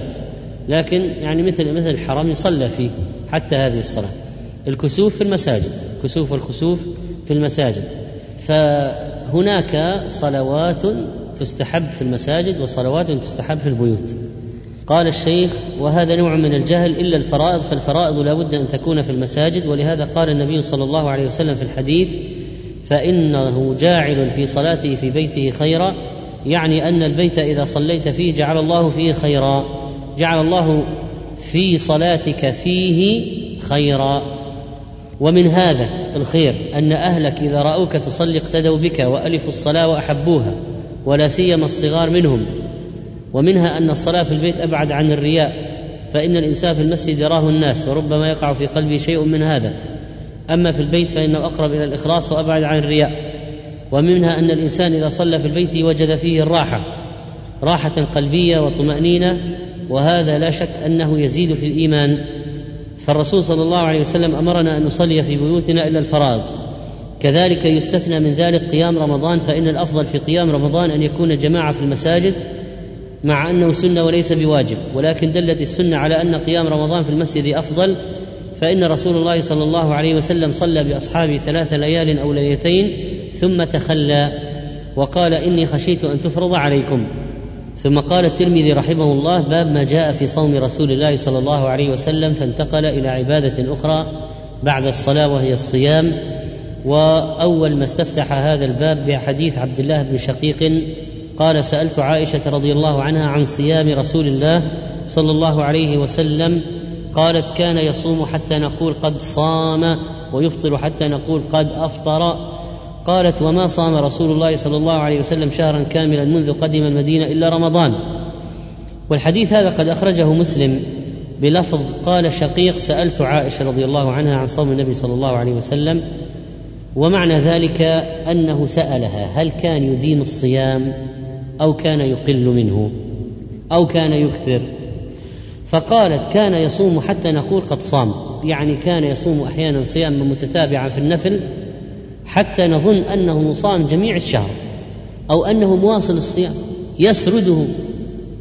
ويفطر أحيانا حتى نقول قد أفطر فيفطر إفطارا متواليا حتى نقول أفطر الشهر كله ما صام منه شيئا. قالت وما صام رسول الله صلى الله عليه وسلم شهرا كاملا منذ قدم المدينة؟ ففي هذا إثبات أن تتابع صيامه لم يكن في غير رمضان. يعني ما تابع الصيام في شهر كامل غير رمضان. قالت إلا رمضان فإنه صامه كاملا لكونه فرضا لازما. وفي الحديث الإيماء إلى أنه يستحب أن لا يخلو شهر من صوم. أن لا يخلو شهر من صوم يعني صوم نافلة وأن لا يكثر منه حتى لا يمل بل على وجه التوسط والاقتصار وفيه أن صوم النفل غير مختص بزمن معين بل كل السنة صالحة له إلا رمضان والعيد والتشريق وما أشبه ذلك. قال وعن ابن عباس رضي الله عنهما كان النبي صلى الله عليه وسلم يصوم حتى نقول ما يريد أن يفطر منه ويفطر حتى نقول ما يريد أن يصوم منه. وما صام شهرا كاملا منذ قدم المدينة إلا رمضان. والحديث أخرجه النسائي وقال الألباني صحيح. وهو بمعنى الحديث الذي قبله. وعن أنس بن مالك أنه سئل عن صوم النبي صلى الله عليه وسلم فقال كان يصوم من الشهر حتى نرى أنه لا يريد أن يفطر منه ويفطر منه حتى نرى أنه لا يريد أن يصوم منه شيئا. وكنت لا تشاء أن تراه من الليل مصليا إلا رأيته مصليا ولا نائما إلا رأيته نائما. يعني توازن عجيب. هذا الحديث حديث حسن صحيح وأخرجه الترمذي في جامعه أيضا.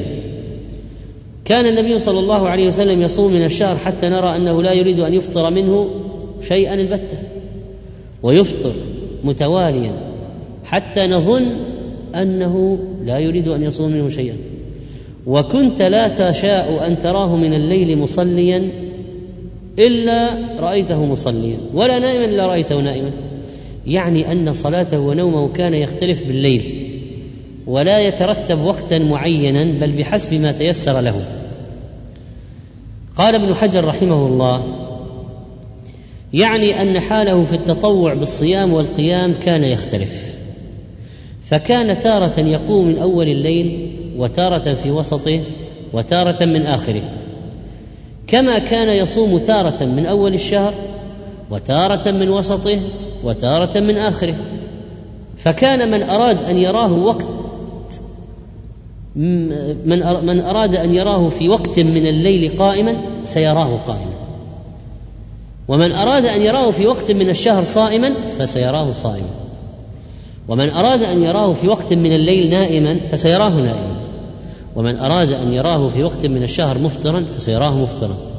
فإذا ما كان يسرد الصوم كله ولا القيام في الليل كله.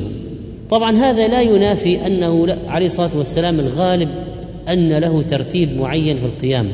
كما تقدم أنه كان ينام نصف الليل ويقوم ثلثه وينام سدسه. فهذه العادة الغالبة. لكن آه، هل حصل أنه قام من أول الليل؟ نعم. هل حصل أنه قام من وسط الليل؟ نعم. هل حصل أنه قام في آخر الليل؟ نعم. حصل. فكان له عادات وكان له أيضا آه، حالات مختلفة. كان له عادات لكن ما كانت مضطردة جدا لا تنخرم فكان يغير أحيانا. وهذا طبعا من أسبابه آه، أن أحوال الإنسان تختلف. فقد يقلق ليله قد يتعب ليله قد يأتيه وفد قد يكون مسافرا قد يكون آه، مشغولا بشيء قد يكون مريضا مشغولا بتمريض أهله. يعني هنالك آه، عنده ضيف في البيت. يعني ليست المسألة يعني ان أن اللي يعني البرنامج كان دقيقا جدا لا ينخرم. لا. لكن هناك عادة غالبة وهناك أحوال مختلفة بحسب ما يطرأ عليه من الأوضاع وما يعرض له. قال وعن عائشة قالت لم أرى رسول الله صلى الله عليه وسلم يصوم في شهر أكثر من صيامه لله في شعبان. كان يصوم شعبان إلا قليلا بل كان يصوم كله. وأخرجه النسائي أيضا وهو حديث صحيح. وعن عائشة قالت ما كان رسول الله صلى الله عليه وسلم يصوم في شهر أكثر من صيامه في شعبان. حديث صحيح. وعن أم سلمة قالت ما كان رسول الله صلى الله عليه وسلم يصوم في شهر أكثر من صيامه في شعبان. حديث صحيح. وعن أم سلمة قالت ما رأيت النبي صلى الله عليه وسلم يصوم شهرين متتابعين إلا شعبان ورمضان. حديث حسن. رواه الترمذي وحسنه وقال الألباني صحيح. فهذا الحديث ظاهره أنه صام شعبان كله ولكنه يعارض حديث ما صام شهرا كاملا يعارض حديث ما صام شهرا كاملا قط إلا رمضان. فماذا يمكن أن نقول؟ أنه صام أكثر شعبان. فحديث مسلم كان يصوم شعبان كله كان يصومه إلا قليلا. هذه يعني العبارة هكذا. كان يصوم شعبان كله كان يصومه إلا قليلا. فتكون العبارة الثانية تفسير للعبارة الأولى. كان يصوم إلا قليلا تفسير لعبارة كان يصوم شعبان كله. الثاني تفسير الأول والمعنى أنه يصوم غالبه. فينبغي الإكثار من الصيام في شهر شعبان لأن النبي صلى الله عليه وسلم كان يفعل ذلك. هو في آخر حياته أخبر أن أفضل شهر يصام بعد رمضان شهر الله المحرم لكن هو ما تمكن من العمل بهذا. أوحي إليه به في آخر حياته. وعلى أية حال محرم شعبان شهران عظيمان لصيام النافلة. كلاهما في أحاديث في تفضيل الصيام فيه محرم وشعبان. بعد رمضان مباشرة في الفضل محرم وشعبان. كان عليه الصلاة والسلام يكثر من الصيام في شعبان تعظيما لرمضان استعدادا لرمضان كالسنة القبلية للفريضة أو كان تجتمع عليه نوافل تفوته. ثلاث أيام من كل شهر اثنين وخميس بسبب سفر بسبب مرض بسبب وفد ناس أشغلوه. فتجتمع عليه أيام نوافل وكان إذا تعود عادة في العبادة أثبتها فإذا ما استطاع جمعها وقضاها. فقيل إنه كان يجمع ما فاته من النفل طيلة العام فيقضيه في شعبان فلذلك كثر صيامه فيه. والأولى في هذه من هذه الاحتمالات ما جاء في الحديث الذي أخرجه النسائي وأبو داود وصححه الألباني عن أسامة بن زيد قال قلت يا رسول الله لم أرك تصوم من شهر من الشهور ما تصوم من شعبان. قال ذلك شهر يغفل الناس عنه بين رجب ورمضان وهو شهر ترفع فيه الأعمال إلى رب العالمين فأحب أن يرفع عملي وأنا صائم. إذا أقوى سبب أن لشعبان ميزة ترفع الأعمال إلى الله في هذا الشهر. هي طبعا ترفع في غيره من الشهور. لكن رفع في شعبان آكد. ولا تعارض بين هذا وبين الأحاديث التي جاءت بالنهي عن تقدم رمضان بيوم أو يومين أو أحاديث النهي عن الصيام في النصف الثاني من شعبان لأن النهي يحمل على من لم تكن له عادة بالصوم في شعبان. فيأتي إلى آخر يومين لما يقترب وقت الفريضة يريد أن يصوم ويصل رمضان بما ليس منه فيكون كالزيادة في العبادة؟ لا. ولذلك فإن النهي محمول على من لم تكن له عادة. أما من كان له عادة بالصيام في شعبان ومن أول شعبان يصوم كان يصوم أو كان يصوم اثنين وخميس دائما حتى لو صار آخر يوم من شعبان اثنين صام. آخر يوم من شعبان خميس صام. النصف الثاني من شعبان صام لأن عادته مستمرة. وعن عبد الله قال كان رسول الله صلى الله عليه وسلم يصوم من غرة كل شهر ثلاثة أيام وقلما كان يفطر يوم الجمعة. أخرجه الترمذي في جامعه وحسنه الألباني. عبد الله هو ابن مسعود راوي الحديث رضي الله عنه. يقول كان رسول الله صلى الله عليه وسلم يصوم من غرة كل شهر ثلاثة أيام. الغرة أول الشهر.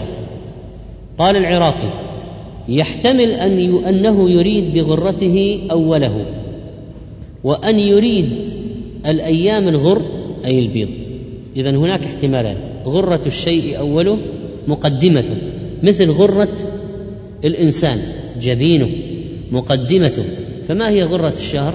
مقدمة الشهر. ويحتمل أن يقصد بالغرة البيض لأن الغرة بيضاء. يبعثون غرا محجلين يعني بيض منورين في أماكن الوضوء. فقوله يصوم من غرة كل شهر يحتمل أن يكون المقصود بالأيام هذه الغرة الأيام البيض. فما هي الأيام البيض؟ وسط الشهر الثالث عشر والرابع عشر والخامس عشر. قال ولا منافاة بين هذا الخبر وخبر عائشة أنه لم يكن يبالي من أي أيام الشهر يصوم لأن هذا الراوي حدث بغالب ما اطلع عليه من أحواله فحدث بما عرف وعائشة اطلعت على ما لم يطلع عليه. قال وقلما كان يفطر يوم الجمعة. طيب كيف نجمع بين هذا وبين أنه نهى عن صيام الجمعة وكره ذلك؟ فنقول الجمع. طيب يا أخوان كيف نجمع؟ ابن مسعود يقول قلما كان يفطر يوم الجمعة. قلما يفطر يعني كان يصوم. طيب في أحاديث في النهي عن صوم الجمعة فكيف نجمع بينهما؟ يعني يصوم الجمعة منضما إلى غيره مثل ما قال الإخوان. فلا يفرده بالصوم فيصوم معه الخميس مثلا أو ما بعده يعني السبت. فيكون النهي عن إفراد الجمعة بالصوم وقد يقال إن الوصال كان من خصائصه فيصوم الجمعة ضمن الوصال. وأورد القاضي احتمالا أن يكون المراد بأنه لا يتغدى إلا بعد الجمعة فكان قبل الجمعة لا يأكل شيئا. وفي الحديث استحباب صيام ثلاثة أيام من كل شهر سواء من أوله أو من وسطه أو من آخره. أو يوما من العشر الأول ويوما من الأواسط ويوما من آخره. لما أخرجه مسلم من حديث عائشة رضي الله عنها قالت كان رسول الله صلى الله عليه وسلم يصوم من كل شهر ثلاثة أيام. ما يبالي من أي الشهر صام؟ من أوله من وسطه من آخره. يوم في الأول يوم في الوسط يوم في الآخر. ولكن الأفضل والأكمل أن تكون من وسطه. وهي الأيام البيض. الثالث عشر والرابع عشر والخامس عشر. لما رواه البخاري رحمه الله أو ولذلك بوب البخاري رحمه الله باب صيام البيض ثلاث عشرة وأربع عشرة وخمس عشرة وتترجح البيض بكونها وسط الشهر ووسط الشهر أعدله. والأمر في صيام ثلاثة أيام من كل شهر واسع على أي حال فللإنسان أن يصومها في أوله أو في وسطه أو في آخره أو شهر يصوم الثلاثة في أوله الشهر الذي بعده يصومها في وسطه الشهر اللي بعده يصومها في آخره. يصوم يوم في من أول الشهر ويوم في وسطه ويوم في آخره. الثلاث البيض في وسطه كلها. كل ذلك لا حرج فيه ولا بأس. وذلك ليجمع بين الآثار الواردة. طيب متى لا يصوم الإنسان أيام البيض؟ ها؟ أيام التشريق. أيام التشريق أيام أكل وشرب وذكر لله. ولذلك ما يصوم الإنسان أيام التشريق؟ لا يجوز لا يجوز أن تصام في النفل. أيام التشريق هي الحادي عشر والثاني عشر والثالث عشر. كانوا يشرقون اللحم فيها بعد ذبحه في اليوم العاشر. أيام التشريق لا يصمن إلا لمن لم يجد الهدي. فماذا يبقى من أيام البيض؟ الرابع عشر والخامس عشر. لو ضم إليها السادس عشر أو أي يوم من الشهر بعد ذلك فلا حرج. وقد يصوم من أوله يصوم في أول العشر يوما ثم يصوم الرابع عشر والخامس عشر. على أي حال المسألة في هذا واسعة إنما فقط التنبيه أنه في شهر ذي الحجة لا يصوم الثالث عشر. مع أنه من أيام البيض. لماذا لا يصوم؟ لأنه من أيام التشريق. وهي أيام أكل وشرب وذكر لله. طيب لماذا نهينا عن صيام الجمعة؟ وقد سأل جابر وقد سأل جابرا محمد بن عب بن عباد بن جعفر. أنهى النبي صلى الله عليه وسلم عن صوم يوم الجمعة؟ قال نعم متفق عليه. وللبخاري نهى أن يفرد بالصوم. وذلك لما يتميز به يوم الجمعة من العبادات الكثيرة الفاضلة وهو يوم عيد بالنسبة للمسلمين عيد الأسبوع وهو يوم عبادة وذكر وغسل وتبكير فيسن فطره استعانة على التبكير للجمعة وعلى حضور الجمعة وخطبة الجمعة وقد تكون في حر شديد. فلذلك لا يصام يوم الجمعة لأنه يحمل معنى العيد والعيد أصلا ما يصام. يوم العيد ما يصام والجمعة فيه معنى العيد. اجتماع اجتماع عظيم وعبادة جليلة. وإذا وافق الجمعة يوما مستحبا صومه كعرفة وعاشوراء فلا بأس أن يصام. لأنك لو سألت هذا الصائم ماذا تقصد بصيامك؟ ما يقول أنا قصدت الجمعة يقول أنا أقصد عاشوراء أنا أقصد عرفة فلا حرج في ذلك. وكذا إذا وافق عادة له بمعنى إيش معنى؟ واحد مثلا متعود يصوم اثنين وخميس فوافق الجمعة؟ لا طبعا. وإنما واحد يصوم يوما ويفطر يوما. فوافق اليوم الذي يفطر فيه الخميس فالجمعة صيام والسبت إفطار والأحد الصيام وهكذا. فهو يصوم يوما ويفطر يوما. فوافق يوم الصيام جمعة. فهو لم يقصد الجمعة وإنما جاء اتفاقا في عادته المعتادة من الصيام فلا حرج عليه في صيام الجمعة منفردا حينئذ. وكذلك لو وافق الجمعة عاشوراء لا حرج. ولو وافق عرفة فلا حرج. وقد قال عليه الصلاة والسلام لا يصوم أحدكم يوم الجمعة إلا أن يصوم يوم قبله إلا أن يصوم قبله أو يصوم بعده رواه البخاري ومسلم. والله تعالى أعلم وصلى الله على نبينا محمد.